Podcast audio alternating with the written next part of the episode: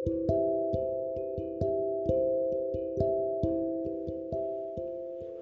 selamat pagi, assalamualaikum. Kembali lagi di podcast Ajeng Octavia. Nah, kemarin tuh pernah ngebicarain tentang waktu di dalam rentang kehidupan kita. Sebenarnya waktu itu kan terus berjalan ya, berjalan terus tanpa ada sedikit pun jeda ataupun berhenti tapi berbeda dengan aktivitas yang kita lakukan sehari-hari. Nah, ketika kita melakukan sebuah aktivitas, ada kalanya kita berhenti, ada kalanya kita memberi jeda, dan ada kalanya kita bernafas untuk bisa melakukan lebih banyak hal lagi ataupun melaju lebih cepat lagi untuk mengupgrade diri kita sendiri. Nah, begitu pula ketika kita melakukan sesuatu, ketika kita menjalankan sesuatu, melakukan aktivitas yang kita sukai, melakukan aktivitas yang harus kita lakukan, rutinitas kita setiap hari, kegiatan-kegiatan uh, produktif yang kita tekuni di keseharian pasti kita memerlukan adanya sebuah fokus di dalam diri kita untuk melakukan hal tersebut.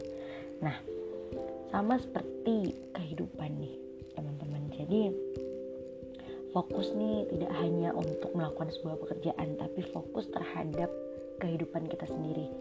Misalkan nih, seperti kamera Nah, kamera kan pasti punya fokus ya. Kamera pasti punya fokus. Nah, seperti itulah kehidupan kita. Jadi bagaimana cara kita membidik sesuatu yang ingin kita gapai untuk mendapatkan sesuatu indah, sesuatu yang keren, sesuatu yang manis di kehidupan kita, kita harus bisa mengatur fokus itu agar enak dilihat, enak dinikmati dan juga kita dapatkan dengan hasil yang kita mendapatkan hasil dengan sangat puas. Dan gimana nih cara ngatur fokus? Nah, di dalam kehidupan kita di dunia. Kehidupan kita sehari-hari kita pasti harus memiliki fokus kita terhadap sesuatu entah apa pun itu yang ingin kita fokuskan ke sana. Jadi ya kita harus pandai-pandai mengatur fokus itu agar tidak salah fokus begitu. Jadi kan banyak nih yang ngerasa insecure dan segala macam ya it's it's normal itu manusiawi banget bagi sosok manusia seperti kita karena kita pasti punya kekurangan dan kita juga punya kelebihan. Kita memiliki kekurangan yang mungkin uh, orang lain gak punya kekurangan itu. Tapi coba ditelaah lagi bahwa kita juga punya kelebihan yang mungkin orang lain gak punya kelebihan seperti yang kita punya seperti itu. Jadi untuk menjalankan keseharian itu kita harus fokus kepada diri kita sendiri nih. Jadi jangan fokus ke orang lain dulu karena dengan adanya rasa insecure itu timbul dari ketidakfokusan kita terhadap diri kita sendiri, terhadap kehidupan kita dan terhadap aktivitas-aktivitas kita. Karena apa? Karena rasa insecure itu kan rasanya kan kayak nggak pede gitu, kayak rasa kurang terus. Karena kita melihat kepada orang lain, kita melihat kepada kehidupan orang lain, kita menghadap, melihat kepada aktivitas orang lain, sehingga fokus di kehidupan kita itu beralih dari fokus kepada diri kita sendiri menjadi fokus kepada orang lain. Nah hal ini tuh nggak baik teman-teman. Jadi kenapa nggak baik? Karena ya coba deh kita lihat aja. Kan seharusnya kan yang menjalani kehidupan kan kita. Terus juga yang melakukan aktivitas melakukan rutinitas itu kita. Dan untuk kita sendiri kenapa kita harus fokus kepada orang lain? Kenapa nggak fokus ke diri kita sendiri? Nah karena hmm, sudah banyak orang yang merasakan bahwa fokus kepada orang lain membuat diri kita tuh semakin merasanya kurang semakin kurang terus semakin rasa insecure. Datang kapan aja. Nah insecure itu juga bisa berwujud nanti nantinya bisa berwujud ke sebuah overthink yaitu berpikir terlalu dalam ataupun terlalu rumit terhadap suatu hal yang sebenarnya kita nggak harus pikirin nih hal itu tuh. Nah kayak gitu. Jadi mengatur fokus dalam kehidupan kita itu sangat penting banget. Gimana nih caranya? Balik lagi ke tadi ya. Mungkin caranya adalah kita bisa mengatur skala prioritas kita ini yang paling penting ya. Dalam keseharian kita mau ngapain aja nih di seharian ini? Nah dari mengatur skala prioritas dan ngelis tugas dalam keseharian hari ini ada apa dan hari ini mau ngapain aja. Dari sana kita bisa mengatur fokus kita untuk oh iya berarti aku harus fokus ke kegiatanku ini aku harus fokus ke aktivitas yang akan aku lakukan aku harus fokus ke karya yang akan aku buat hari ini kayak gitu. Terus yang kedua kurang-kurangi melihat ataupun uh, kepo terhadap kehidupan orang lain jadi ketika kita semakin terkadang ketika kita semakin kepo ketika kita mengetahui banyak hal tentang orang lain dan dari sana kita mendapatkan fakta bahwa misalnya nih orang tersebut jauh lebih uh, keren daripada kita jauh lebih misalkan jauh lebih bisa mengatur prioritas jauh lebih bisa uh, mengupgrade diri dia jauh lebih cantik jauh lebih pokoknya goals lah bagi diri kita sendiri semakin terkadang perasaan syukur itu datang. Nah yang baik di sini adalah kita boleh melihat kehidupan orang lain tapi dari sana kita jadikan hal tersebut tombak untuk diri kita sendiri memiliki semangat. Semangat untuk bisa oh ya dia dia aja bisa masa kita enggak? Nah seperti itu. Itu yang benar untuk uh, untuk kon dalam konteks melihat ke kehidupan orang lain. Tapi itu akan menjadi salah ketika kita melihat kehidupan orang lain dan hal hal yang kita lihat itu membuat kita insecure sehingga kita nggak fokus terhadap kehidupan kita. Nah yang ketiga adalah kita bisa mengatur ataupun mengelis apa yang kita inginkan.